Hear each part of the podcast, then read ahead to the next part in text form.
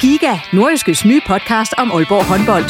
Vil du helt tæt på, hvad der sker i Danmarks største håndboldklub? Vi kommer selvfølgelig til at, til at gå all in. Så lyt til Giga, podcasten om Aalborg håndbold. Det går ondt på et hold som Aalborg, når man ikke leverer det, man gerne vil. Der sætter vi hver uge fokus på de vigtigste historier og største profiler. Dejligt at se, at han er den øh, afgørende faktor, som vi ved, han er. Lyt til Giga, der hvor du finder dine podcasts.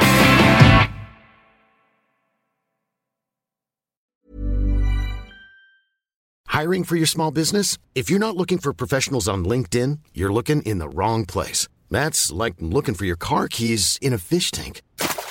LinkedIn helps you hire professionals you can't find anywhere else, even those who aren't actively searching for a new job but might be open to the perfect role. In a given month, over 70% of LinkedIn users don't even visit other leading job sites. So start looking in the right place. With LinkedIn, you can hire professionals like a professional. Post your free job on linkedin.com slash people today. There's never been a faster or easier way to start your weight loss journey than with PlushCare. PlushCare accepts most insurance plans and gives you online access to board-certified physicians who can prescribe FDA-approved weight loss medications like Wigovi and Zepbound for those who qualify. Take charge of your health and speak with a board-certified physician about a weight loss plan that's right for you. Get started today at plushcare.com slash weight loss. That's plushcare.com slash weight loss. plushcare.com slash weight loss. Vil du høre om Premier League, Champions League eller Bundesligaen, så har du sat gang i den forkerte podcast. Det her det er nemlig Reposten, hvor det handler om nordjysk fodbold. Mit navn er Jens Otto Barsø. Velkommen. Og i denne 8. udgave af Reposten kommer vi i høj grad til at tale om OB's kommende forår, og ser til det ord på det har jeg fået besøg af Kasper Risgaard, som til daglig spiller for OB, Rasmus Trinskov, der tidligere har været formand for OB Support og nu er formand for danske fodboldfanklubber, og så er nordjyske sportsredaktør Claus Jensen også med på holdet. Det var dejligt, I kunne komme. Velkommen. Tak for det. Jo, og tak. Kasper, øh, hvad er status på dig i øjeblikket? Jeg har hørt, du er lidt, lidt skadet. Ja, altså jeg fik, øh, jeg fik taget en scanning øh, her i sidste uge, da vi kom hjem fra Portugal, og, øh, og scanningen viste desværre, at, at jeg har fået en, øh, en, øh, en fiberskade i mit højre baglår. Og øh, det er en skade, der kommer til at holde mig ude i, i hvert fald nogle uger. Det vender vi lidt tilbage til senere også. Øh, Claus Jensen, nu har der været gang i en masse øh, engelsk fodbold og det ene og det andet. Glæder du til, at Superligaen kommer i gang? Ja, det må jeg sige. Jeg synes, det har været en, en lang vinter, og det har det jo så egentlig ikke, for vi, var jo langt hen i december, før det sluttede. Men man, man glæder sig til at få gang i det, og først og fremmest også få prøvet det her slutspil, nedrykningsspil, og, og få smagt på, hvad det er for noget, om det fungerer. Og Rasmus, øh, nu skal vi primært tale om øh, det forår, der venter for OB. Men hvis du så skal se lidt tilbage, hvilken kamp fra efteråret, eller hvilken situation for efteråret, tænker du så tilbage på med mest glæde? Oh, her der er mange faktisk.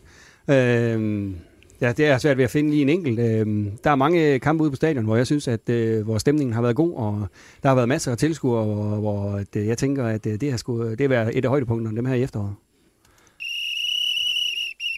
Og med det der fik vi sat gang i den her udgave af Reposten, og som sagt, så skal vi snakke en øh, del om OB i den her udsendelse, og øh, se frem mod det forår, der venter. Og vi starter med at gennemgå de testkampe, OB de har, har spillet. Der har været fem stykker, som jeg lige kan se det. Der har været mod Hobro, der har været mod Hækken, og så har der været mod Ørebro og mod Shakhtar Donetsk og Djurgården. Og Kasper, hvis du sådan skal gøre status på de fem testkampe, vi har spillet, hvad er sådan det overordnede indtryk fra din side? Jamen først og fremmest så øh, har vi jo fået Morten som, som træner, øh, og han har jo øh, arbejdet både øh, i træning og, og, og en masse møder øh, med os spillere. Øh, vi, har, vi har hørt meget på, hvad, hvad Morten han, øh, han gerne vil øh, indføre på vores hold, og det har vi prøvet at, at overføre til, til nogle af de, alle de her testkampe. Øh, der er ingen tvivl om, at, at, at det er sådan noget, det, det kommer ikke bare lige over en nat. Øh, men, men der er ingen tvivl om, at, at at man har godt kunne se øh, nogle af de ting, Morten han gerne øh, vil have indført på, på holdet, og det... Øh, øh, altså man kan sige, vores, vores primære fokus har jo været, øh, at vi både i træning og i, i de her kampe, vi skulle spille, at vi skal, vi skal tilbage til, til, hvordan er vi bedst til at spille øh, fodbold. Øh, gerne langs jorden, øh, hurtige pasninger, hurtigt spil. Øh, vi skal stå øh, godt på banen. Øh, og så, øh, og så skal vi... Øh, ja, altså i bund og grund, så skal vi, så skal vi prøve at komme tilbage til at, til at spille underholdende fodbold, og, og det skal vi gøre primært øh, langs jorden. Hvordan det lykkes i de her testkampe så? Ja, det har været, øh, det har været op og ned. Øh, først og fremmest så, øh, hvis vi tager dem lidt bid for bid, jamen så, så har der været nogle udfordringer sådan øh, rent offensivt, øh, især i, i de her kampe nede i Portugal, hvor vi, øh, hvor vi ikke vælter os i chancer. Øh, omvendt så synes jeg, at vores seneste kamp mod Odd Greenland øh, herude på stadion, der var der nogle rigtig, rigtig positive øh, takter. Øh, jeg synes, vi... Øh, øh, vi kan se dag for dag og uge for uge, at, at, at de ting, vi arbejder med på, på træningsbanen, jamen, det kunne vi også godt se i, i øh, træningskampen mod, mod Odd Greenland. Altså det her hurtige spil langs jorden. Øh, vi mødte en modstander, som stod rigtig langt tilbage på banen, og der skulle, øh, der skulle vi gerne vise, at vi kunne spille hurtigt omkring den, og det synes jeg, vi fik vist i, i perioder. Øh, så synes jeg også, vi fik vist, at, at vi, øh, at vi øh, er bedre i presset. Øh, jeg synes, at vi, vi, vi pressede rigtig godt øh, mod Odd Greenland. Øh, gik lidt højere op, øh, og det har fungeret bedst for os. Øh, vi skal passe på med ikke at komme alt for langt tilbage øh, og stå og, og så komme sent i pres og, og have langt op til, til modstanderens mål. Øh, det kom vi lidt i perioder i, i efteråret. Øh, så derfor, øh, derfor synes jeg, at vi, øh, vi fik en god øh, god test i øh, den anden dag mod Greenland, og, og derfor kommer man også ind med en, med en god følelse inden øh, kampen på søndag. Claus, hvad tænker du om det, øh, Kasper han siger her? Jeg er glad for, at Kasper lige nævner den her 6. Øh, testkamp, som du havde glemt, nemlig den mod, mod Odd, som de vist bare... Odds Football, tror jeg, det hedder nu med et S på. Der er vist en sponsor indover. Men det er gode gamle Odd Grænland, det er den samme klub. Jeg tænker, at det var godt, at de fik den øh, kamp, OB, fordi hvis man bare skulle have sat øh, en streg i, i sagen efter de første fem, især de tre nede i Portugal, så ville man have været noget kun pessimistisk på, på OB's vegne, fordi det ikke blev til ret mange øh, skabte chancer. Øh, det er egentlig set fornuftigt ud defensivt hele vejen, men, men der manglede altså at, at blive skabt chancer og score mål, og det kom så her i den sidste kamp, øh, hvor, hvor tingene stod fornuftigt ud, men man må også så sige, at de stod meget lavt og kommer ikke til at spille øh, på den, eller spiller ikke på den måde, som AGF vil gøre på søndag, så på den måde var det jo ikke sådan den perfekte sparringsmodstander, man fik der, øh, fordi øh, der var ikke meget, øh, meget højt pres eller aggressivitet fra, fra, fra Odd. Øh, men, men den gav lidt, øh, lidt positive ting, fordi OB, jeg tror, de har tre chancer i den kamp og score på de to af dem. Og det er i hvert fald en effektivitet, hvis man kan, kan tage den der 66 procent med ind til foråret, så når man langt. Rasmus, er der noget, der bekymrer dig i de træningskampe, OB har, har spillet indtil videre? Som jo så er seks. Jeg beklager, jeg, jeg glemte den seneste der. Ja, bekymret og bekymret. Altså, øh, ja, lidt øh, tilbage fra også for os efterår. Vi skal være bedre øh, defensivt. Altså, vi har haft nogle, øh, nogle udfald og nogle huller defensivt, hvor, hvor modstanderne har været gode til at score imod os. Og, og de par testkampe, jeg har nået at se, der, der har det også været lidt af tilfældet, hvor vi, øh, øh, hvor vi, hvor vi stadigvæk øh, hvad kan man sige, er, er lidt sårbare defensivt. Øh, og målene har lidt nemmere ved at vælge ind på os, end, end vi har scoret i den anden ende. Og det er da lidt bekymrende. Er der noget, der overrasker dig positivt i de kampe, du har set? Jamen det er det. Jeg synes, at, øh, som Kasper også er inde på, det med at spille øh, bolden langs jorden, der kan man tydeligt se, øh, vi har også en filosofi der om, at øh, øh, før har vi øh, spillet bolden rundt i, øh, i cirkler om bagved. Øh, I lang tid beholdt bolden i forsvaret og kørt den rundt, indtil man kunne øh, spille den op. Men øh, de kampe, jeg har set, der, der går det hurtigt, før den lige pludselig bliver spillet centralt lavt langs jorden, op, i, op igennem midten, og bolden den kommer på spil, men det giver også nogle, nogle øh, omstillinger, eller hvad kan man sige, nogle, nogle, øh, øh, nogle, nogle chancer lige pludselig, og, og nogle angreb, som gør, at, øh, at vi kommer til nogle, til nogle flere chancer. Vi spiller lidt mere direkte nu, end vi har gjort før, øh, synes jeg i hvert fald. Hvad var på negativ siden? Øh, tænker du er spiller? Ja, eller? Nej, jeg tænker bare sådan generelt på, på det spil, der er leveret indtil videre.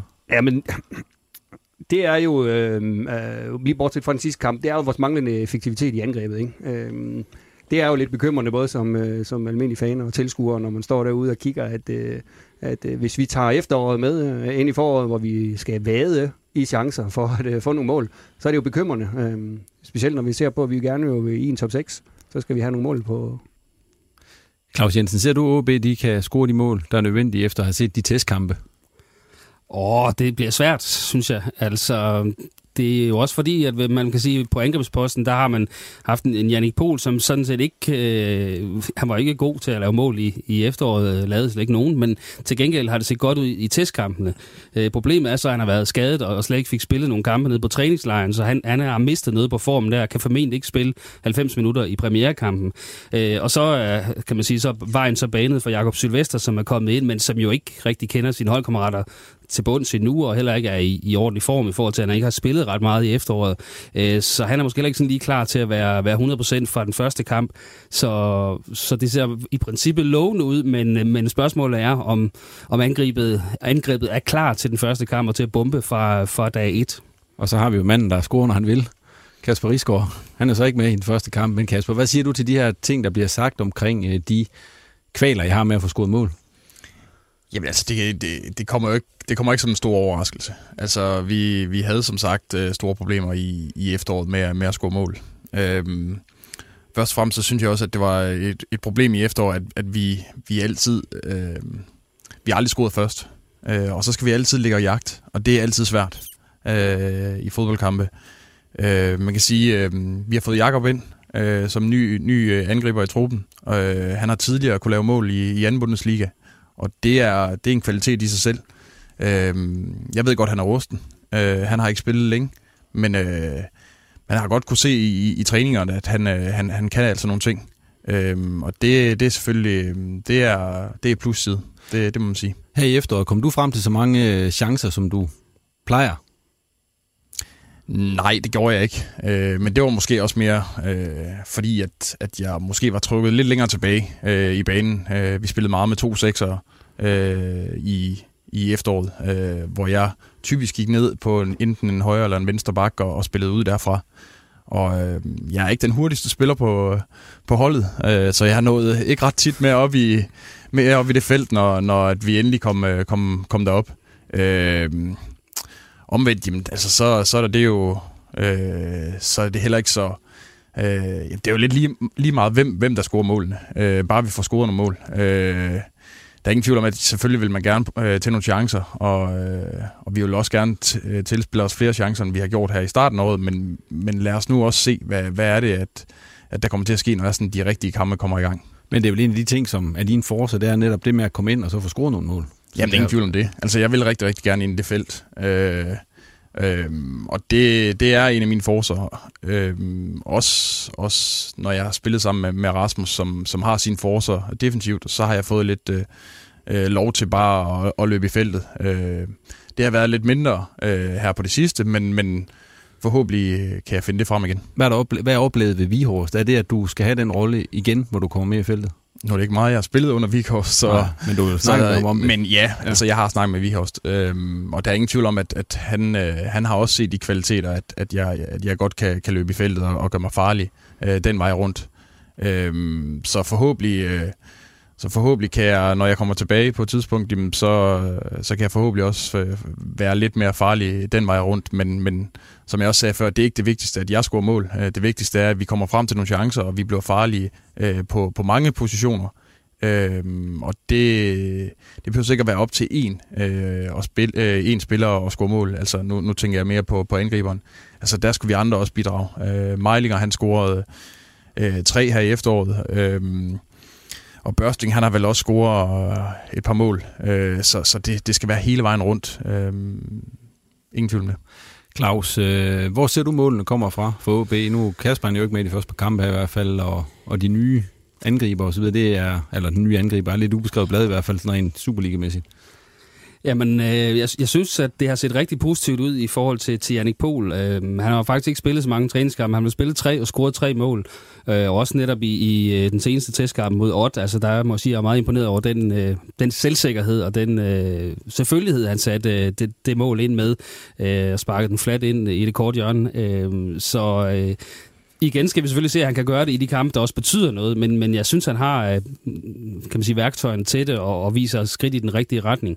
Øhm, men man kan sige, at Jannik Pohl og for, også for den sags skyld Jakob Sylvester er jo ikke, de er jo ikke nogen tankcenter for, de er ikke nogen targetman, det er også nogen, der godt vil øh, bevæge sig lidt ud i banen. Øh, og OB har vel lidt manglet øh, en, en, en angriber, som står inde i, i boksen og sparker den ind over. Altså en, øh, en inderside mand, øh, og også en mand, der kan hætte den ind, øh, en, som øh, eksempelvis Lukas Balvis gjorde. Men spørgsmålet er selvfølgelig, om, om øh, Morten Vikhorst har ønsket sig sådan en spiller, fordi øh, det passer måske ikke ind i den måde, han gerne vil spille på. Øh, og det er jo nok også derfor, det så er en Jakob Sylvester, som er god med fødderne, og som er hurtig, som kommer ind, men altså, som så kan være min bekymring, ikke fylder så meget i feltet. Øh, og der, der mangler OB så stadig den spiller, men det må man så spille på en anden måde. Øh, og, og så håbe, at det lykkes den vej rundt. Så jeg har stadigvæk et forbehold omkring det OB-angreb i forhold til, at det piker i, i, i foråret, som jo er nødvendigt fra dag 1 i forhold til at komme i slutspillet. Det kan jeg stadig have min tvivl om. Savner du også en, øh, en stor boksangriber, Rasmus? Ja, jeg tror, at alle fans savner vel en eller anden, der står deroppe og bare låser den ind efter behag. det er vel drømmescenariet for de fleste.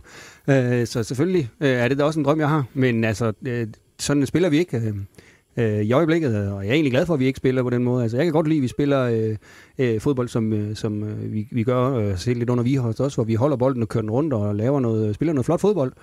Og øh, der er en tank for, at måske ikke lige sådan en, øh, der kommer i første række, hvor vi... Øh, øh, jeg kan huske fra mine unge dage, hvor vi øh, var på fodbold også til stadion, hvor bolden bare blev låst op til Erik Bo, og så var det egentlig hans ansvar at få den ned og få den ind. Øh, det er der ikke meget underholdning i, men det, det virker til gengæld. Men, øh, men sådan som det ser ud, som vi skal spille under Vihors, så, så, øh, så, så er jeg egentlig meget tilfreds med, at vi ikke har sådan en, for jeg tror ikke, han vil få ret meget spilletid. Men havde Spalvis ikke sådan lidt af begge dele, dengang jeg havde ham, Kasper? Altså, han, der var vel lidt, ham kunne man godt, øh, han var både stationær, men han var også øh, god til at gå ind i spillet. Ja, altså, øh, man kan sige, Spalvis han havde jo sin primære forser ind i boksen. Øh, og vi ved, øh, altså han havde en, en, en fantastisk øh, målnæs. Han havde en øh, fantastisk øh, placeringsevne, først og fremmest. Altså, øh, han havde en tendens til altid at være der, hvor bolden kom. Øh, og det er ikke noget, man bare lige lærer. Øh, det er noget, man har. Øh, selvfølgelig kan man se en masse videoer og, og, og lære det øh, sådan ja, på en måde øh, øh, ved, at, ved at have set en masse video med, med, med de forskellige træner, men, men, men øh, det, det er ekstremt svært at lære. Øh, man kan sige, Lukas, han, han havde også nogle, nogle rigtig, rigtig gode ting ude i, ude i feltet, han, eller uden for feltet. Han, øh, han, var, han var svær at komme ind på. Øh, han, øh, han havde et, øh, et fint hovedspil, øh, men, men der er ingen tvivl om, at han, han var bedst, når sådan, øh, bolden kom ind i feltet. Øh, og man kan sige lidt, når man ser lidt tilbage, jamen, så, så havde vi måske også lidt for meget en tendens til at, at, at spille for mange bolde ind i hovedhøjde ind i feltet her i efteråret. Og, og når man ser på vores angriber, så er det i hvert fald ikke der, de har deres forser. Og det er jo nogle af de ting, vi også skal kigge på nu. At, at øh, det er nok heller ikke der, at vi skal, vi skal prøve at ramme øh, Jakob eller, eller, eller Pol, øh, som jeg er meget enig i med, med Claus, at han, øh, han har set god ud her i, i opstarten. Øh, han har før han haft lidt større problemer med, med at score mål, øh, men, men det starter et sted, og det er på træningsbanen. Øh, når, man, når man scorer til træning, og man scorer i træningskampen, jamen, så har man også en tendens til at tage det med over i, i de vigtige kampe, som kommer nu her i, i Superligaen. Så derfor er det også ærgerligt, at han har, han har været skadet. Nu er du så lidt inde på det, men jeg skulle netop spørge dig, om I ikke også i efteråret savnede lidt det der med bare at kunne øh, smide den ind over, og så var der en eller anden, der scorede et, et nemt mål, kan man sige, i stedet for det hele skulle, skulle spilles ind nærmest. Jo, men ingen tvivl om det. Altså, alle hold øh, vil gerne have en, øh, en topscorer, en, en, en rigtig målscorer. Og øh, altså, vi skal ikke anden et, et års tid tilbage, jamen, så havde vi to år foran, som vi nærmest bare skulle ramme derinde. Og så, så vidste vi, at den lå inde i, inde i, inde i rosen. Øh, og det er fantastisk for et hold at, at have sådan et par stykker. Øh, og det er også ekstremt vigtigt. Øh, nu skal vi heller ikke glemme, at, at Enevoldsen er også på vej tilbage. Øh, det kan også blive rigtig vigtigt for os. Øh, jeg ser ham hver dag til træning, og han, han arbejder knaldhårdt. Øh, og, og begynder lige så stille. Nu fik han en halvleg den anden dag mod, mod Jøring, og øh, det kunne også være dejligt at se ham tilbage i, i kamp. Nu har vi snakket meget om angrebet indtil videre, men en af de ting, der også blev snakket om, øh, da transfervinduet lukkede, det var, at OB de ikke havde hentet den her spillende forsvar, Claus Jensen. Er han savnet nu i de testkampe, du har set? Ja, det synes jeg stadigvæk, han har. Jeg må sige, at øh, jeg er positivt overrasket over Jakob Blåbergs indsats. Jeg synes, at han faktisk han har været den bedste midterforsvar her i, i træningskampen. Øh, han har haft en tendens til, tidligere i hvert fald, også i efteråret, og at have spillet spille øh, godt, og så, så lave nogle meget, meget store fejl, hvor han spiller bolden direkte i fødderne og, og, og forærer store chancer væk. Men jeg synes, han har været sikker og også rigtig god i opspillet. Så, så han har egentlig været den bedste forsvar, synes jeg. Så har man så øh, Kasper Pedersen, som også har været skadet, og, og det trækker også lidt ned der, så det ligner vel, at det er ham, er, er Blåbær, og så Markus Holgersen, der skal spille i den første kamp mod AGF. For Markus Holgersen, Ja, han er jo ikke nogen spillende midterforsvar, øh, og, og det er stadigvæk, synes jeg, et problem, hvis han skal have en bærende rolle på, på det OB-hold med den filosofi, Morten Vikhorst har. Øh, jeg synes også, det er lidt påfaldende, at øh, jeg ved, at, at han blev spurgt til det nede på, på træningslejren øh, Vikhorst omkring, hvordan han så, øh, så på det problematiske eller ikke problematiske i, i det, og, og egentlig ikke havde lyst til at svare på det. Det, det siger vel også lidt om, om situationen, at det er måske ikke optimalt, men der var nok på det tidspunkt ikke penge til, at man både kunne, kunne, kunne gøre gokker, og man så må sige, så man måtte få, få det ene eller det andet, og så valgte man så en angriber.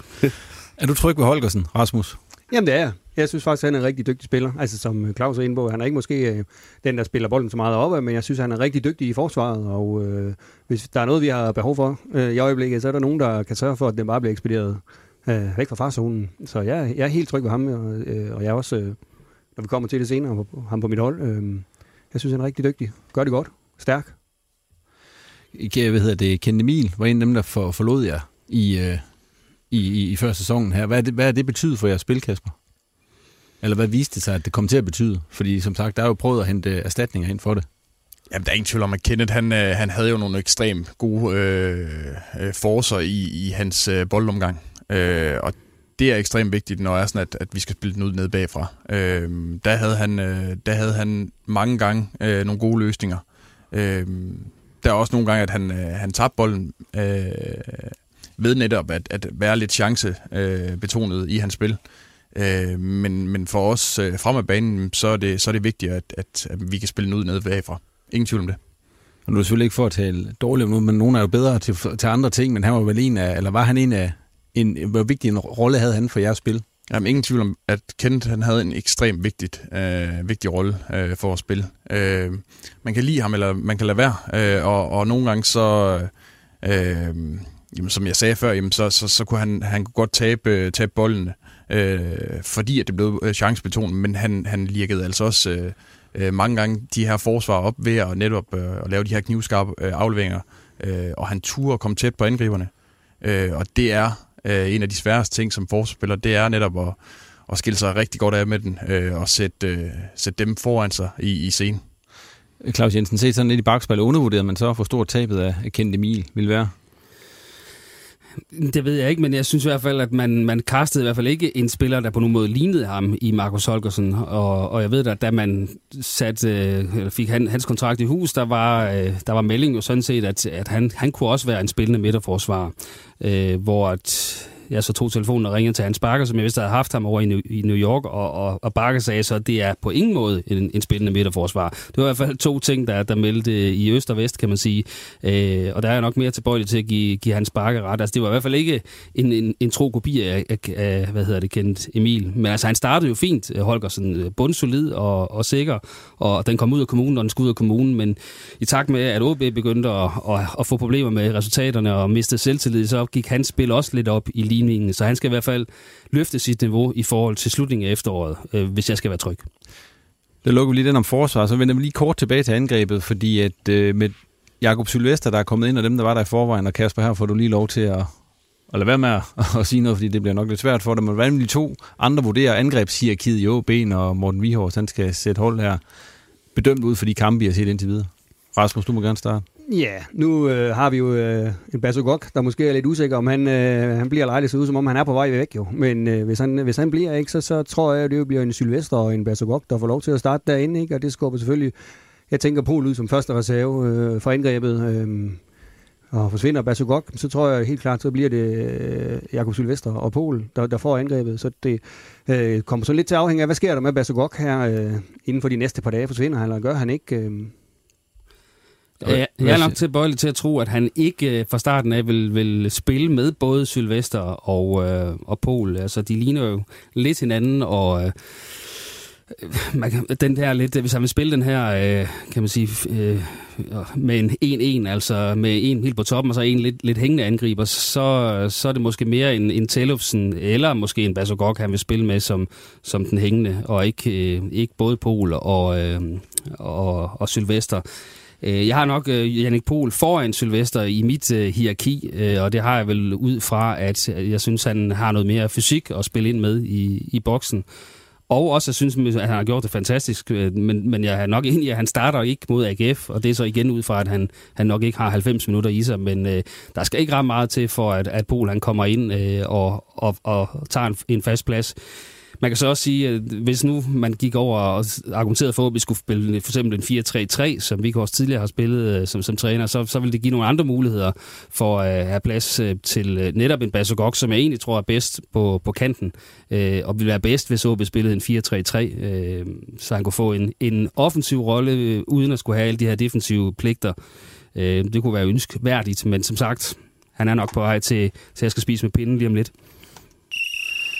Vi har taget lidt hul på det. Øh, I er lidt ind på startopstillingen og så videre, og Rasmus og Claus, I har fået en, en opgave. I skulle komme med jeres øh, bud på en startelver, og der skulle ikke tages øh, forbehold for, at, øh, at der er nogen, der er skadet i øjeblikket, som, som Kasper gør og så videre. Så må jeg prøve at høre, Rasmus, hvad du nåede frem til, hvis øh, du skulle sætte holdet til Jamen, første øh, turneringskamp? Ja, så har jeg kigget lidt på, at øh, en, en, en, en 4-4-2'er, øh, som vi spiller i øh, med en, en diamant på midtbanen, Øh, Øh, det, det kan jeg egentlig godt lide, når vi har spillet med det, hvor vi har en øh, offensiv og en defensiv midtbanespiller. Det synes jeg har virket rigtig godt.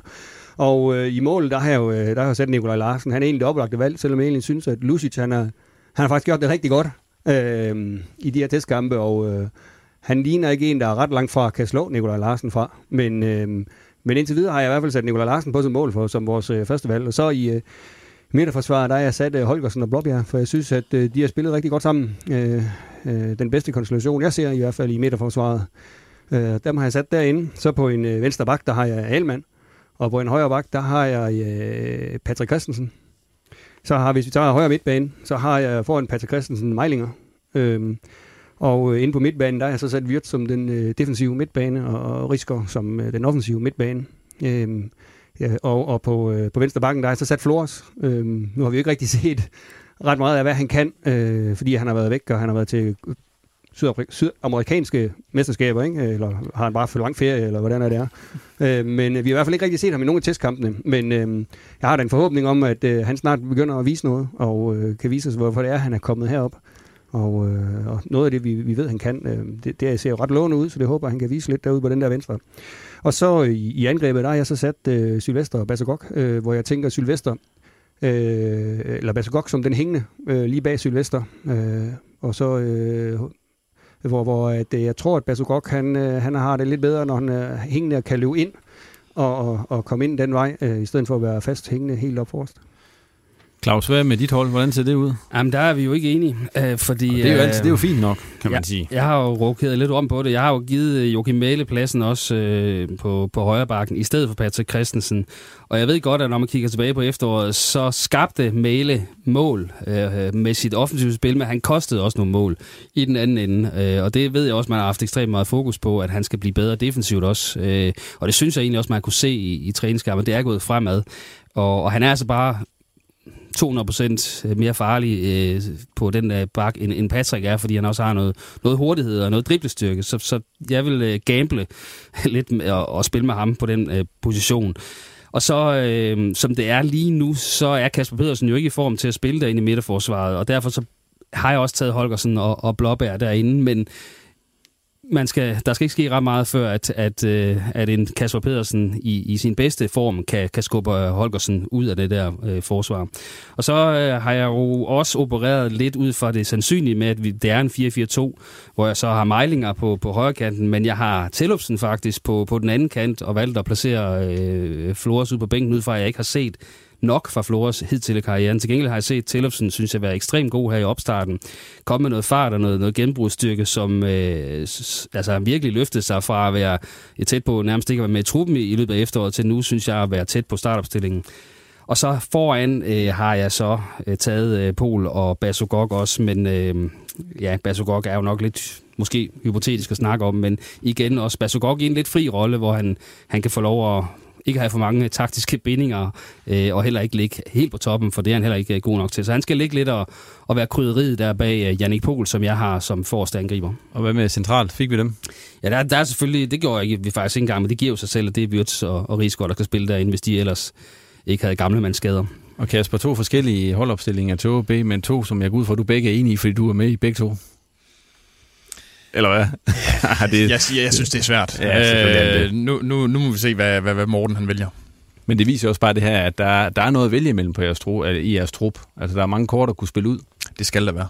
Øh, det skal der være i en, øh, i en trup. Øh, der skal være konkurrence om pladserne, øh, for at man netop får den her intensitet både til træninger, men også for, at, at man kan levere det bedste, man kan øh, i kampene. Ja, jeg havde egentlig også overvejet, om jeg skulle have sat Kasper Slot ind i et eller andet sted, for han har spillet under Vihos før. Og øh, jeg ved ikke, øh, det er halvt år måske, han har spillet, men de kender jo hinanden i forvejen, og han har måske lidt, flere, lidt, lidt mere øh, forståelse for Vihorns idéer. Så jeg havde også øh, overvejet at smide ham ind, men jeg vidste ikke lige helt, hvem det var, der skulle ryge af. I og Claus, så står du og, og vifter. altså, nu har jeg jo set også alle tre kampe på træningslejren, fordi man kunne se dem på og sidde og streame dem. Og, og jeg synes ikke, Kasper Slot heller har benyttet den her friske start til sådan for alvor at brænde igennem i træningskampen og vise, at, at han skal spille. Så derfor havde jeg ham ikke sådan alvorligt med i, i øh, overvejelserne. Jeg havde, har stadig Magnus Christensen foran ham, fordi han, han fylder noget mere øh, og har lidt mere defensivt arbejde i sig, som trods alt også er nødvendigt, hvis man eksempelvis skal spille øh, Rigsgårdsplads. Nu når de så kommer i gang her OB øh, i weekenden, øh, så er der så fem kampe, hvor det skal gå ret godt for, øh, for slutspillet kan, kan blive realiseret. Øh, hvil, hvil, jeg har bedt jer om at komme med tre ting, der skal lykkes for OB, øh, at de når det her slutspil. Øh. Kasper, vil du starte? Jamen, øh, det kan jeg godt.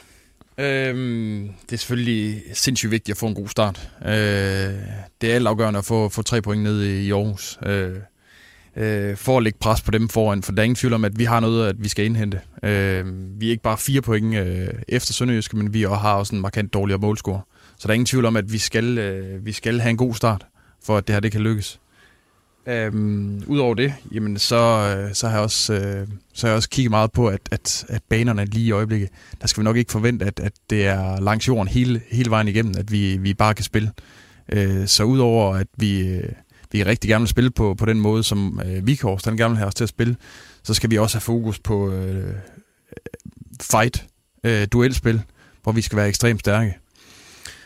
Og så har jeg taget vores øh, dødbold med, offensiv og defensiv.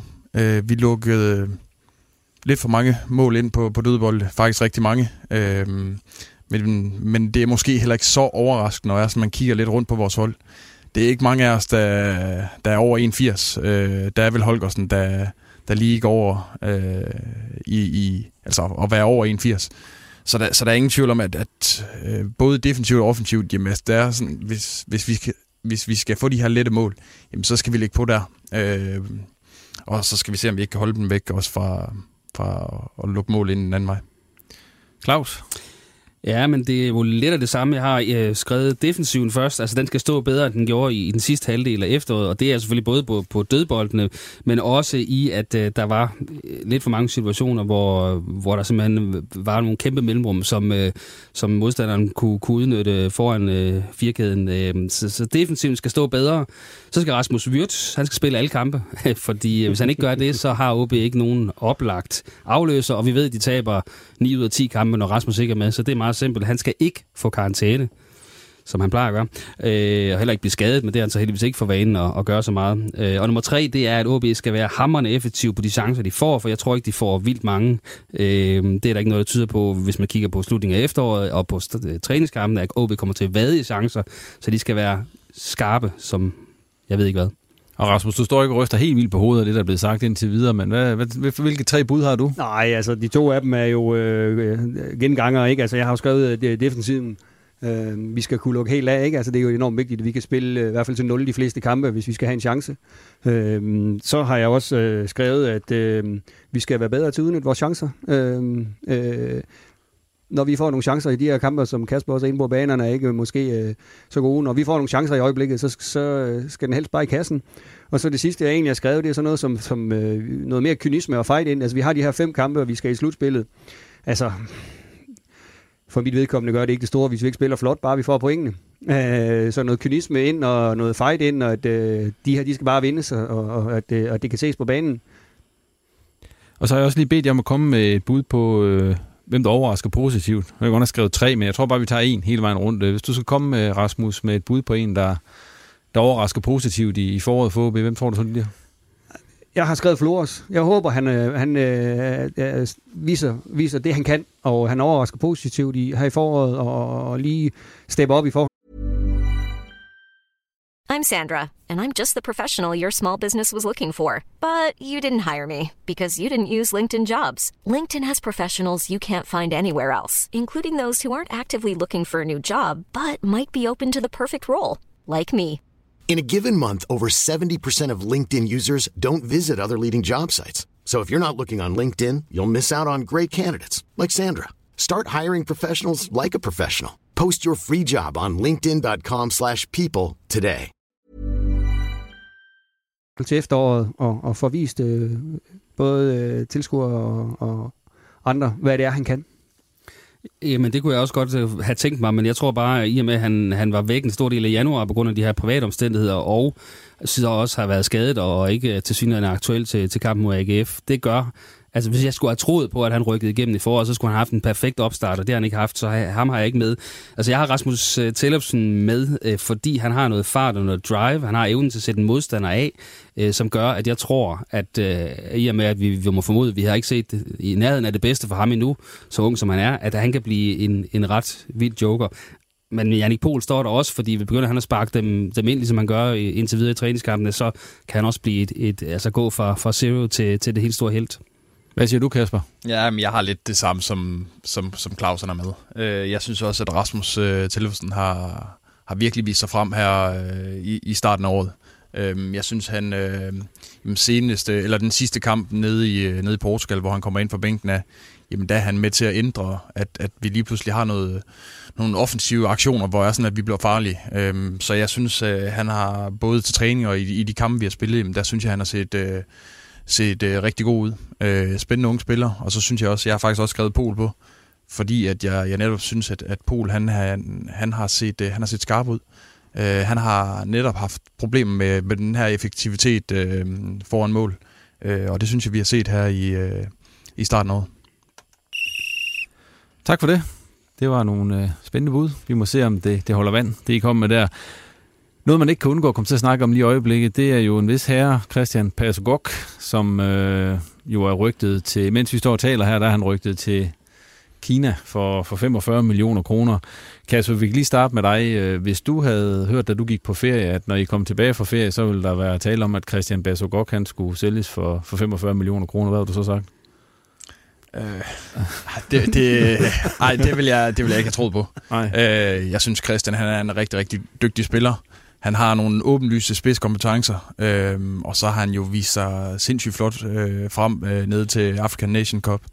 Og øh, vi, har, vi har selv set et par kampe, øh, hvor han har, han har været øh, virkelig dygtig.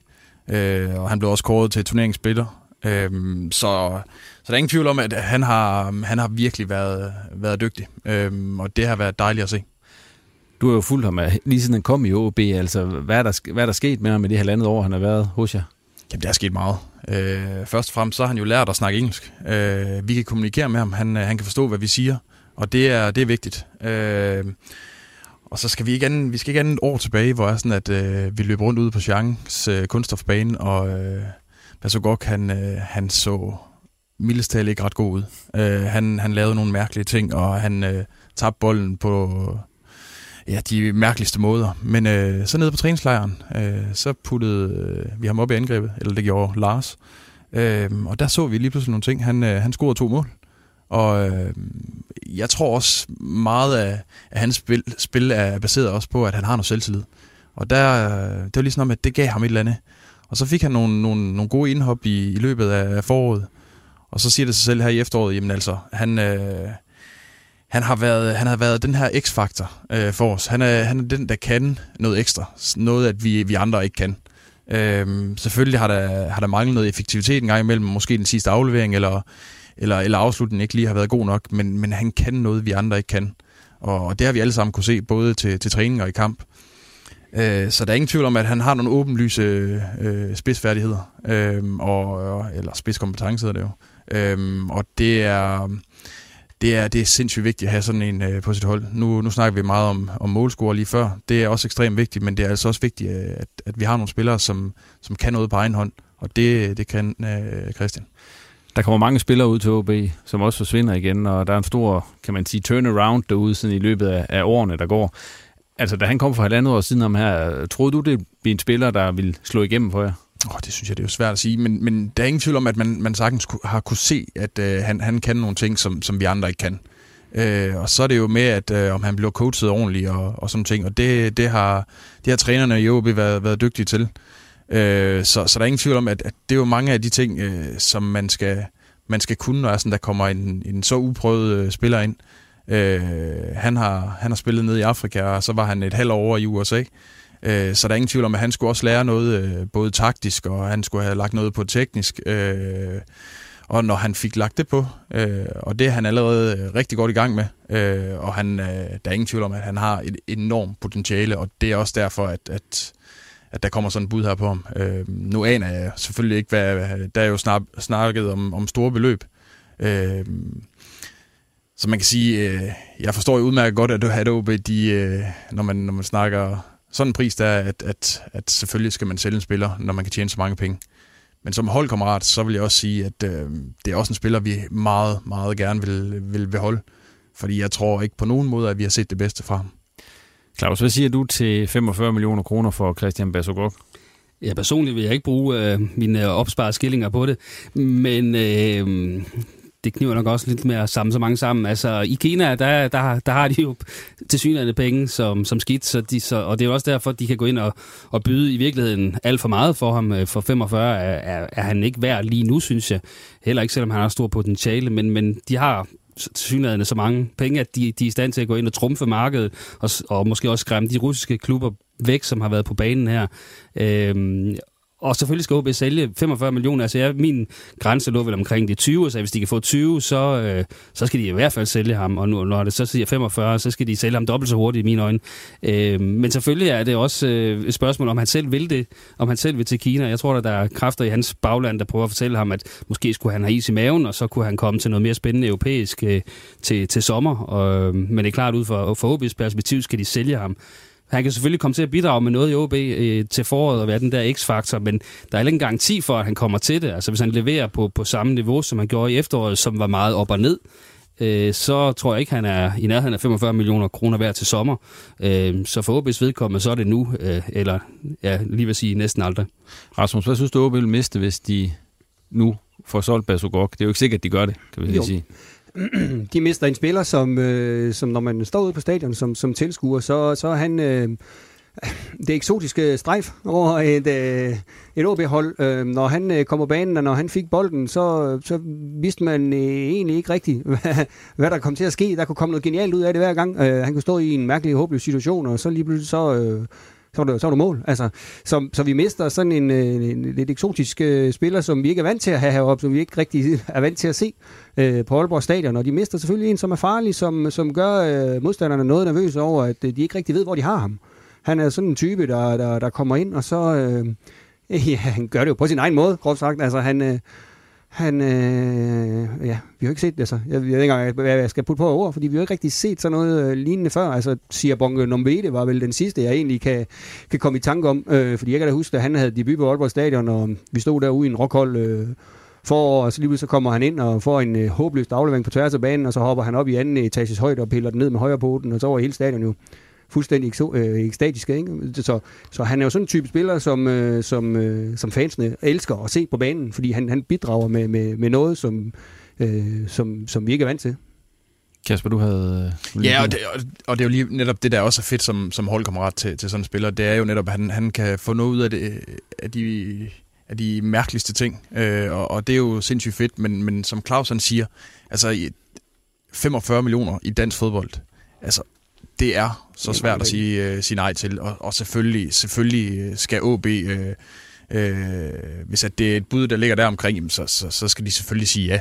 Altså, det, det, kan, jo, det kan jo sikre en klubs uh, budget i, i flere sæsoner, så, så der er ingen tvivl om, at, at det er uh, det er sindssygt attraktivt. Uh, men som jeg sagde før, altså, det er også en vigtig spiller for os, og det er, det er vigtigt at, at også holde på, på vores bedste spillere, Øh, vi har igennem flere sæsoner øh, mistet mange af de her øh, øh, vigtige spillere, øh, og det har, været, det har været en stor udfordring for os. Nu, jeg kender ikke de kinesiske de klubber og hvordan det foregår derovre. Vil, nu kender du Christian Bersogok. Vil du være tryg ved at ham som person og sende ham til Kina? Altså med, hvad det måtte indebære af uvidsheder og usikkerheder og alt det, der, der nu medfølger i den sammenhæng? Jeg synes, det, det er svært at sige. Øh, som jeg oplever Christian, så, så er han jo en, øh, en udadvendt øh, fyr. Øh, især nu, når han, er, han, han kan øh, et sprog, hvor er sådan, at vi, vi kan snakke med hinanden. Øh, en sindssygt glad øh, fyr, og altid har et, et smil på læben, og, og, og den vej rundt, så, så tror jeg ikke, at det vil være noget problem. Øh, jeg tror også, at, at øh, nu snakker vi meget om danske spillere, de måske øh, har lidt tendens til at, til at vende hurtigt hjem, øh, og det tror jeg ikke, det ligger til, til sådan en som øh, øh Christian. Øh, han, øh, han har prøvet nogle ting allerede i sin karriere, og, øh, og han er allerede lagt på øh, rigtig, rigtig hurtigt, så, så det, det tror jeg ikke, det vil være noget problem. Ja, der, der ligger vel også det i det for sådan en, en spiller som Basugok, som kommer fra Kamerun, ikke et fattigt land, at han kan jo, øh, det kan godt være, det, det måske ikke øh, fodboldmæssigt er så eftertragtet at tage der ned eller tage over til Kina, men han kan jo sikre sig selv og sin familie, jeg ved ikke hvor mange generationer, ved at tage det skifte, og det er der også nogle af de spillere, der kommer fra de kanter, der tænker på, øh, at, øh, at øh, det, er, det, er en, øh, det er en indtægt for deres familie øh, øh, i, i mange år, altså mange generationer, og, og det, det tror jeg da også, man skal tage med i betragtning, at det, det er noget, han godt kan finde på at sige ja til, for at gøre det. Helt enig, helt enig. Nu er det så ikke sikkert, at han siger ja, og der er nogle ting omkring det. Hvis han så bliver i OB, øh, hvor skal han så spille hen? Bliver han brugt rigtigt i, i efteråret? Nej, altså vi så jo i hvert fald under African Cup of Nations her, at han, han var bedst som en kantspiller. Øhm, og det spiller han jo ikke så meget som OB, der spiller han jo mere på, på toppen. Øhm, så, så han skal som minimum have en fri rolle, hvor han ikke skal, skal tænke ret meget øh, sådan, taktisk og ret meget defensivt. Øh, og øh, det gør han vel bedst igen, så er vi tilbage ved sådan et 4-3-3-system, øh, eller i hvert fald så alternativ, for det er nok det, Morten vil spille så som den hængende angriber, øh, der, kan, der kan vandre lidt rundt. Øh, det er i hvert fald den position, han skal spille, for han skal ikke spille alene på toppen. Det, det fungerer ikke. Og tiden den løber afsted, og vi har stadigvæk øh, emner, vi skal nå, så vi lukker Basogok-snakken her, selvom det øh, selvfølgelig er, er et spændende emne i øjeblikket. Og så vender vi lige blikket mod øh, dig, Kasper. Du var inde på, at du har haft en lidt træls opstart til den her sæson med, med en skade, og du har ikke fået spillet så meget. Øh.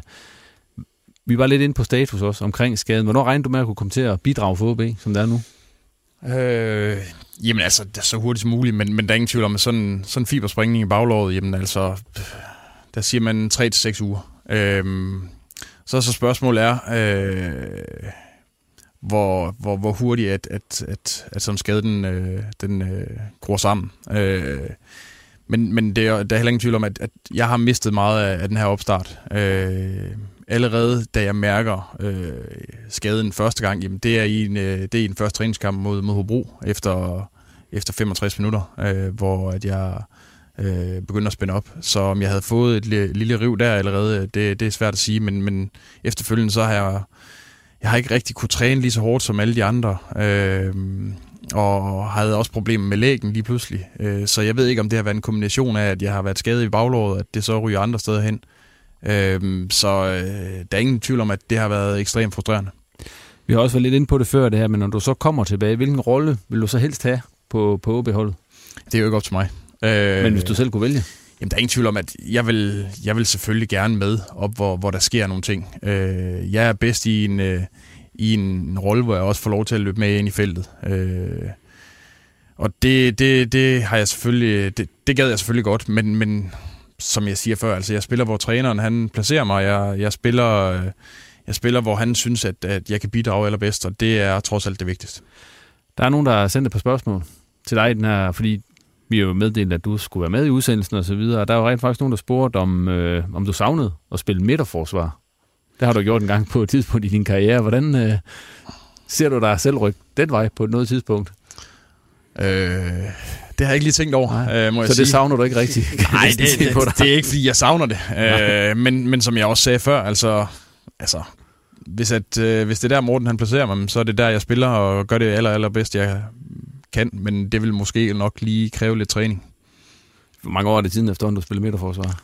Åh, det er mange år siden. Jeg tror, det er jeg, det er sjovt. Jeg snakkede med Lyngge om det så sent som øh, øh, ude på stadion den anden dag, at øh, første kamp var, var sammen med Augustinus nede i, nede i centerforsvaret. Og alene det, jamen det, så er vi jo mange år tilbage, så, øh, så jeg tror, det er en 10-11 år siden, ja. Hvordan var, hvorfor var det, du så... Altså, du var startet som midtbane, så kom du midterforsvaret, og så kom du op på midtbanen igen. Altså, hvorfor var det midterforsvar, midterforsvaret, det så ikke, at du ikke blev hængende dernede i sin tid? Oh, jeg tror, det var lidt en øh, kombination af, at øh, vi manglede øh, lige pludselig en central midtbane, øh, da Rasmus og Vinstens de forsvandt. Øh, men inden da, jamen, så øh, Hamren, øh, han, han så nogle ting i, øh, i mig øh, som, som centerforsvar. Netop den her spillende centerforsvar, hvor jeg sådan at, øh, kunne være god til at, til at bygge op ned bagfra. Og, øh, og der begyndte vi at træne det allerede øh, nogle måneder før, at jeg så fik debut øh, som centerforsvar i, øh, under Hamren. Øhm, og så øh, synes han, at, at det gik så godt, at, at jeg så spillede øh, resten af sæsonen, men også faktisk spillede øh, ja, 3 eller 24 kampe øh, i den sæson, hvor vi, hvor vi får bronze øh, som centerforsvar. Var det sjovt at spille centerforsvar? Det er sjovere at komme lidt frem, længere frem på banen. øh, ingen tvivl om det, men, men altså... Øh, det, man, er, man er på på en anden måde. Øh, jeg, var, jeg var knap så træt som, øh, efter, efter kampene øh, som centerforsvar øh, i forhold til at være central midtbane. Altså der er nogle andre ting, at, at du skal være måske langt mere koncentreret. Øh, I hvert fald, øh, at du skal være den her sikringsspiller også, selvom at vi er i offensiven, så skal du jo hele tiden være opmærksom på, hvor er det angriberen ligger, hvor er det, at jeg kan placere mig bedst. Øh, omvendt så, så løber du heller ikke helt så meget. Så det lyder ikke til dig, på dig til, at vi skal forvente Kasper Risgaard som midterforsvar her i de kommende par sæsoner. Man ved aldrig. Nej. Øh, Kasper, du har kontrakt til 31. december 2018. Er det den sidste kontrakt, du er i gang med, eller hvad er din egen fornemmelse på nuværende tidspunkt? Oh, det synes jeg, det er svært at sige. Øh, der er ingen tvivl om, at når man står her og har været skadet i, i det meste af en opstart, jamen, så er det da ekstremt frustrerende, og man, man bliver da lidt bekymret over, at hvad, hvad er det egentlig, fysikken den kan holde til. Øh, omvendt så, øh, så spillede jeg 15 øh, ud af 16 kampe fra start øh, i efteråret. Øh, på noget blandet niveau, må, vi også, øh, må jeg også erkende. Øh, jeg svingede vel lige så meget som, som resten af holdet. Øh, så, øh, så de her bekymringer over at være, være, være skadet her i opstarten, jamen, der er ingen tvivl om, at det er lidt overskyggende lige nu, men, men jeg håber også at vende stærkt tilbage, når sådan den her skade den over. Der er en, der skrev et spørgsmål også om, øh, med, med hensyn til at skulle blive træner på et tidspunkt. Ja. Øh, var det noget, du kunne tænke dig? Øh, det synes jeg, det er svært. Ja. Øh, jeg har faktisk jeg har taget den første del af træneruddannelsen, øh, øh, det, der, det der kaldes som, øh, som T-træner. Øh, og øh, det synes jeg, det var ekstremt spændende. Det gjorde jeg allerede for et par år siden. Øh, jeg synes, jeg vil heller ikke kunne, kunne slippe fodbolden helt, når jeg er sådan, at, de engang øh, stopper. Øh, så det kunne være spændende, men, men omvendt, så vil jeg heller ikke... Øh, jeg vil have svært ved at se mig i et miljø, hvor jeg er sådan, at det ikke er øh, professionelt af en eller anden grad. Øh, det skulle gerne være noget, hvor jeg er sådan, at jeg ved, at spillerne ikke øh, går i byen dagen, øh, dagen inden, at vi skal spille kamp. Øh, så øh, så det, skulle også være, det skulle også være seriøst, hvis det var. Oh. Så var fløjten der. Og så lukker vi lige øh, snak om dig, Kasper, for en stund, fordi som sagt, tiden løber afsted, og der er stadigvæk emner, vi skal nu at runde. Men allerførst synes jeg lige, vi skal tage jeres øh, medbragte tårhylder. Og jeg ved, der er nogle af jer, der er flere med, men der er en par styk. Så kan vi selvfølgelig prøve at snige den anden med, men øh, vi kan starte med, med dig, Rasmus. Jo, men øh, jeg har så valgt, øh, ud fra snakken om øh, tilskuere, også øh, vi skal have senere, hvordan vi får flere på banen, tage Jakob Nielsen ned fra, fra Anders øh, og give ham tårhylder, og få ham ud og sige øh, for et par dage siden, at det, der skal til for at få nogle flere øh, folk på stadion, det er, der skal noget mere cirkus over det. Det var Michael Gravgaard, ikke? Nej, var det Gravgaard? Ja, det var Gravgaard, der var ude at sige det, ja. Det var Gravgaard, så er ja. ham, der skal have den. At øh, der skal noget mere cirkus i omkring fodbold. Det skal være noget cirkus, før der kommer tilskuere. Nej, det er jeg i hvert fald ikke enig med ham i. Det, det, det stik modsatte. Det var din tårhylder. Hvad med, hvad med dig, Claus? Jamen, jeg stikker lidt til øh, DBU og landsholdsspillerne.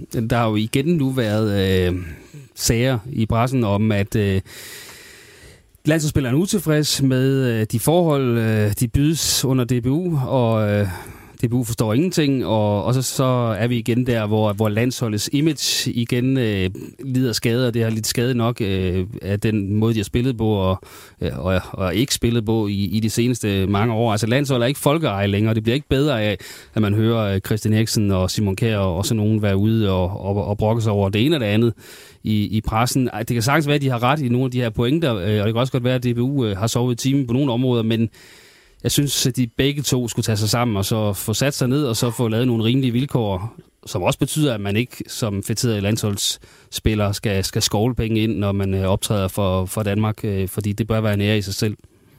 Og dig, Kasper, hvad, Giver du en tårhylder? Jamen, jeg vil også vende over til den her tilskuerkrise, som, øh, som har været i Superligaen. Øh, jeg, synes, der, jeg synes, at der har været en, en, en stor nedadgående kurve, øh, og det er da stærkt bekymrende. Øh, og så synes jeg ikke ligefrem, at det hjælper, at, at, at allerede i den første runde, jamen, så er FCK og Brøndby, jamen, så er de øh, ude og skændes om, hvor, øh, hvor mange billetter, eller, eller de boykotter, eller nogle fans boykotter den her kamp. Øh, jeg synes, det er bekymrende også, at, at FCK, jamen, de, øh, de placerer udebane, eller udebane øh, afsnittet øh, så langt væk fra, fra banen. Øh, det, det, synes jeg, det, jeg synes, det er dårlig stil. Øh, øh, det, der giver stemning, det er, når er sådan to fans, de, øh, de råber lidt efter hinanden, så hjælper det jo ikke, at, at det ene hold, det skal sidde helt op under, under tag over i parken.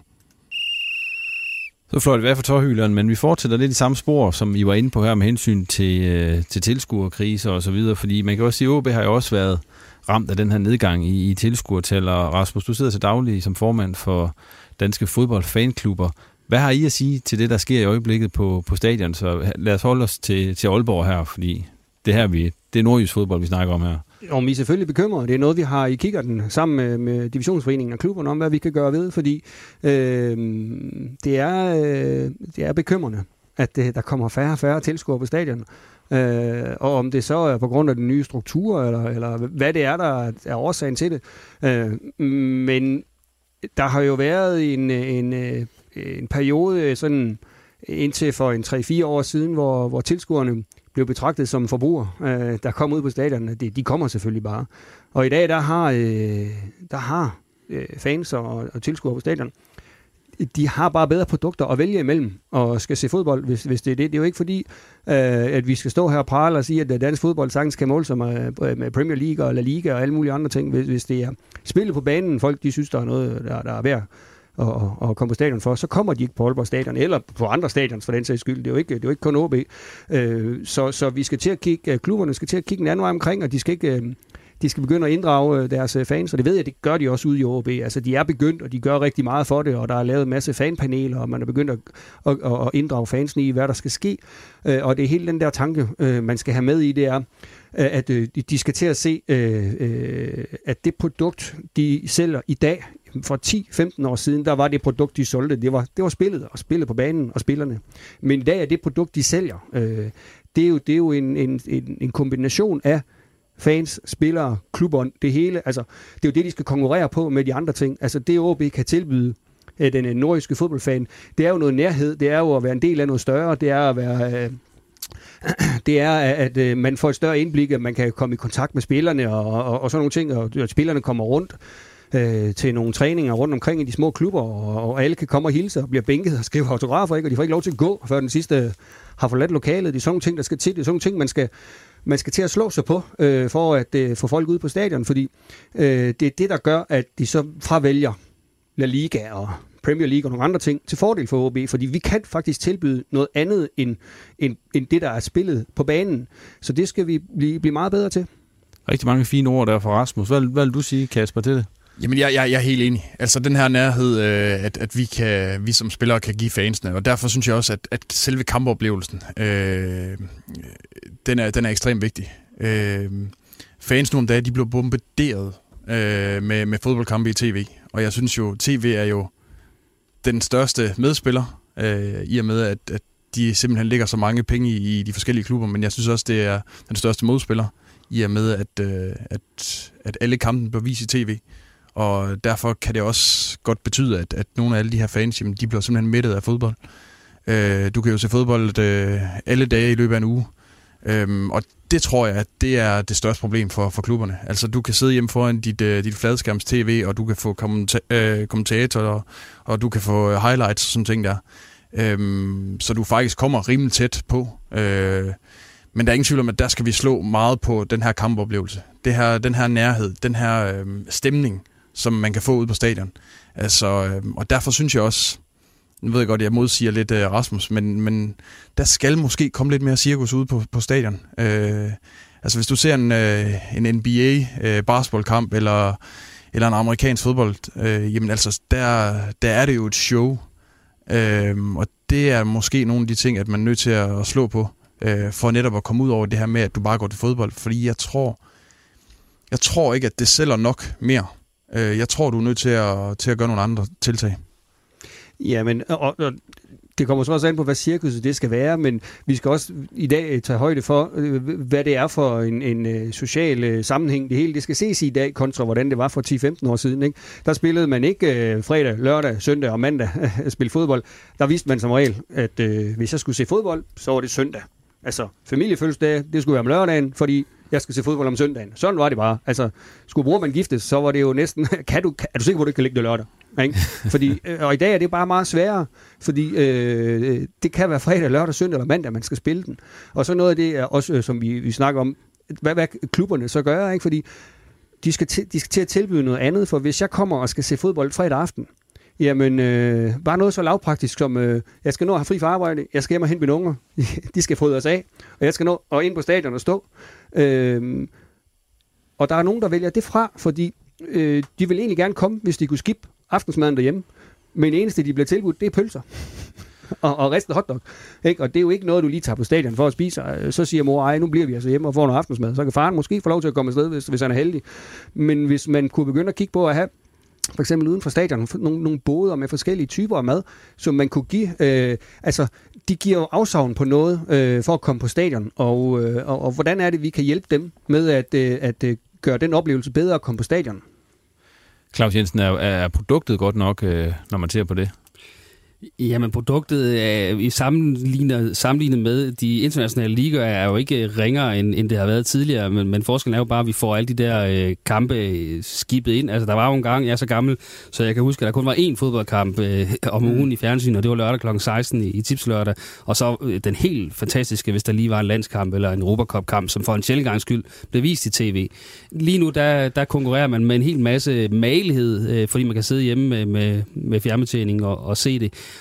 Og der skal det altså virkelig spille, når man kommer på stadion. Det nytter heller ikke noget, man skal stå øh, i kvarter og få, i kø for at, at få en fransk hotdog eller den slags. Altså, det skal, det skal spille, og det skal spille 100%, og det gør det altså stadigvæk ikke, når en gang imellem er derude som almindelig supporter. Så, så oplever man altså også, at, at man nærmest ikke øh, gider at gå op og købe noget, fordi man ved, så misser man formentlig et eller andet, eller skal man stå i kø ved toiletterne, og der, der er altså nogle irritationsmomenter. Og det skal, det skal man altså ikke negligere. Det skal spille 100% for, at man får en god oplevelse.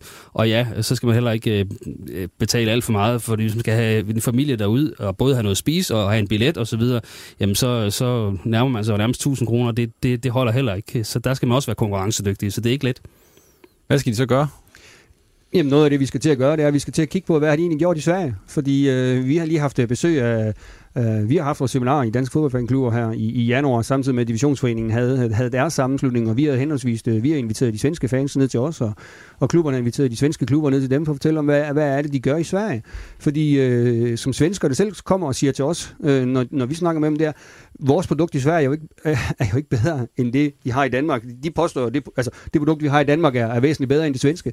Men alligevel, så formår svenskerne jo faktisk at fylde deres stadions. Og øh, nogle klubber har sågar udsolgt allerede inden sæsonen går i gang, og solgt det hele på sæsonkort.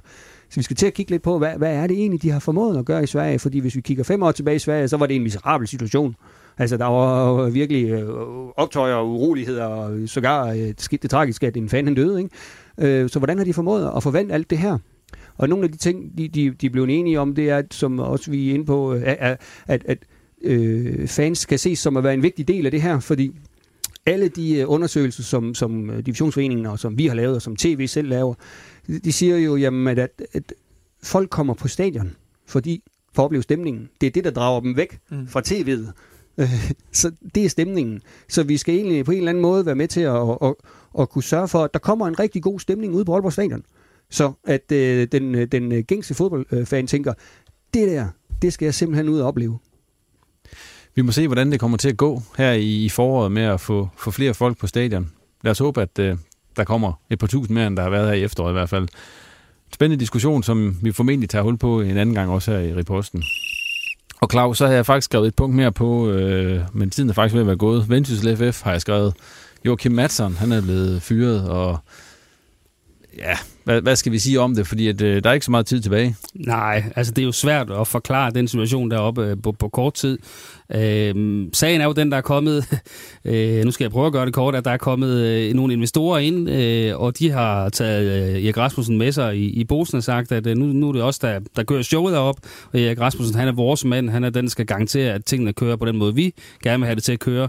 Øh, og så skulle han så ind som, som ledelsens øh, forlængede hånd, og så være assistenttræner for Jogi Madsen, og det vidste man jo fra starten, at de, hvis ikke de er 120% enige om alting, så ender det i kæmpe brag, og det, det har vi også snakket om tidligere her, det, det vil det formentlig gøre. Øh, det gjorde det så meget tidligt, øh, og det var også de ting, jeg hørte deroppe, at, at, at Joachim Madsen og øh, hvad hedder det, øh, Erik Rasmussen lidt var, var øh, stod med ryggen til hinanden under træningen, øh, og ikke, ikke rigtig kunne sammen, og, og så skulle det jo gå galt. Øh, og det er synd for Joachim Madsen, og jeg ved da også, at, at, at det bliver op ad bakke for Erik Rasmussen nu, for nu er han manden, der, der har ligesom skibet den træner ud, som har været en succes, og som spillerne har været glade for. Og, og spillerne synes måske også, at Erik Rasmussen har gjort det en lille smule øh, illoyal på nogle punkter, så han, han starter i minus. Øh, så det er en skidt måde. Altså, så kunne man lige så godt fra starten af bare have gjort rent bord og sige, nu, nu kommer vi, nu er det os, der bestemmer, ud med alle andre, så, så kører vi showet. Det har egentlig været, øh, måske virket som at trumle trumle nogen, men, men så har man det været i hvert fald meldt rent ud, i stedet for at snige det ind, som man til synligheden er i gang med lige nu. Så det er en, en lidt kaotisk situation, øh, og, og sportsligt skidt her øh, ja, to og en halv uge før det går løs, at man lige pludselig står med, med en ny træner, som vil træne på en anden måde, og, og, og, og vel at mærke træne ud fra en måde, hvor det handler om at få profit, fordi man skal udvikle nogle spillere til, at de kan blive solgt osv. Det, det skuer lidt i mine ører. Kasper, hvordan du have det med at være i en klub, hvor der er sådan en opstart her til en sæson? Jamen, det er aldrig sjovt. Øh, og det er også derfor, som, som Clausen siger, altså, øh, Madsen havde jo gjort det fantastisk. Han har, han har fået dem øh, op i toppen af, af ligaen. Øh, de ligger af point med, med, med Hobro og øh, fået dem videre i pokalen. Så udover det, så har han spillet offensiv, underholdende fodbold. Så øh, der er ingen tvivl om, at, at, at Erik, han, øh, han er allerede under pres fra, fra start af, øh, hvis det her det ikke skulle lykkes. Men, men der er ingen tvivl om, at, at som spiller, så er, det, så er det heller ikke optimalt, at man står to og en halv uge før øh, første kamp, og så øh, er lidt i tvivl om, hvad er det egentlig, hvad er det egentlig der foregår i den her klub. Øh, men jeg synes, jeg synes ikke, det er overraskende. Claus, lige til sidst, der kommer det til at koste Vendsyssel FF øh, en oprykning? Det kan det i hvert fald gøre, hvis ikke at øh, Erik Rasmussen her om 14 dage, når det går løs, har spillerne bag sig og har fået gjort det klart, hvad det her det handler om. Øh, så de kæmper for ham også og for, for klubben. Øh, så det bliver en øh, rigtig stor opgave, som jeg ikke er sikker på vil lykkes. Det kan godt ende med at, at skabe så meget mudder, at, at det kan også kan, kan aflæses på, på resultattavlen. Det er i hvert fald at gamble med, unødigt med, med situationen. Og vi kommer til at snakke mere om Vendsyssel FF i den næste udgave af Reposten, hvor det jo er en optagsudsendelse til første division, vi har, har planer om at lave der. Ja, men det der har vi ikke mere på programmet her i denne 8. udgave af Reposten. Jeg siger tak til gæsterne, fordi I kom, og til dig, fordi du lyttede med. Og har du ris, ros eller gode idéer til programmet, så bare kom med det. Vi kan findes både på Twitter og Facebook.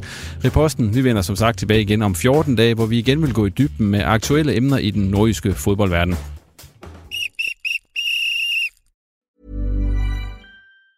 Even on a budget, quality is non-negotiable. That's why Quince is the place to score high-end essentials at 50 to 80% less than similar brands. Get your hands on buttery soft cashmere sweaters from just 60 bucks, Italian leather jackets, and so much more.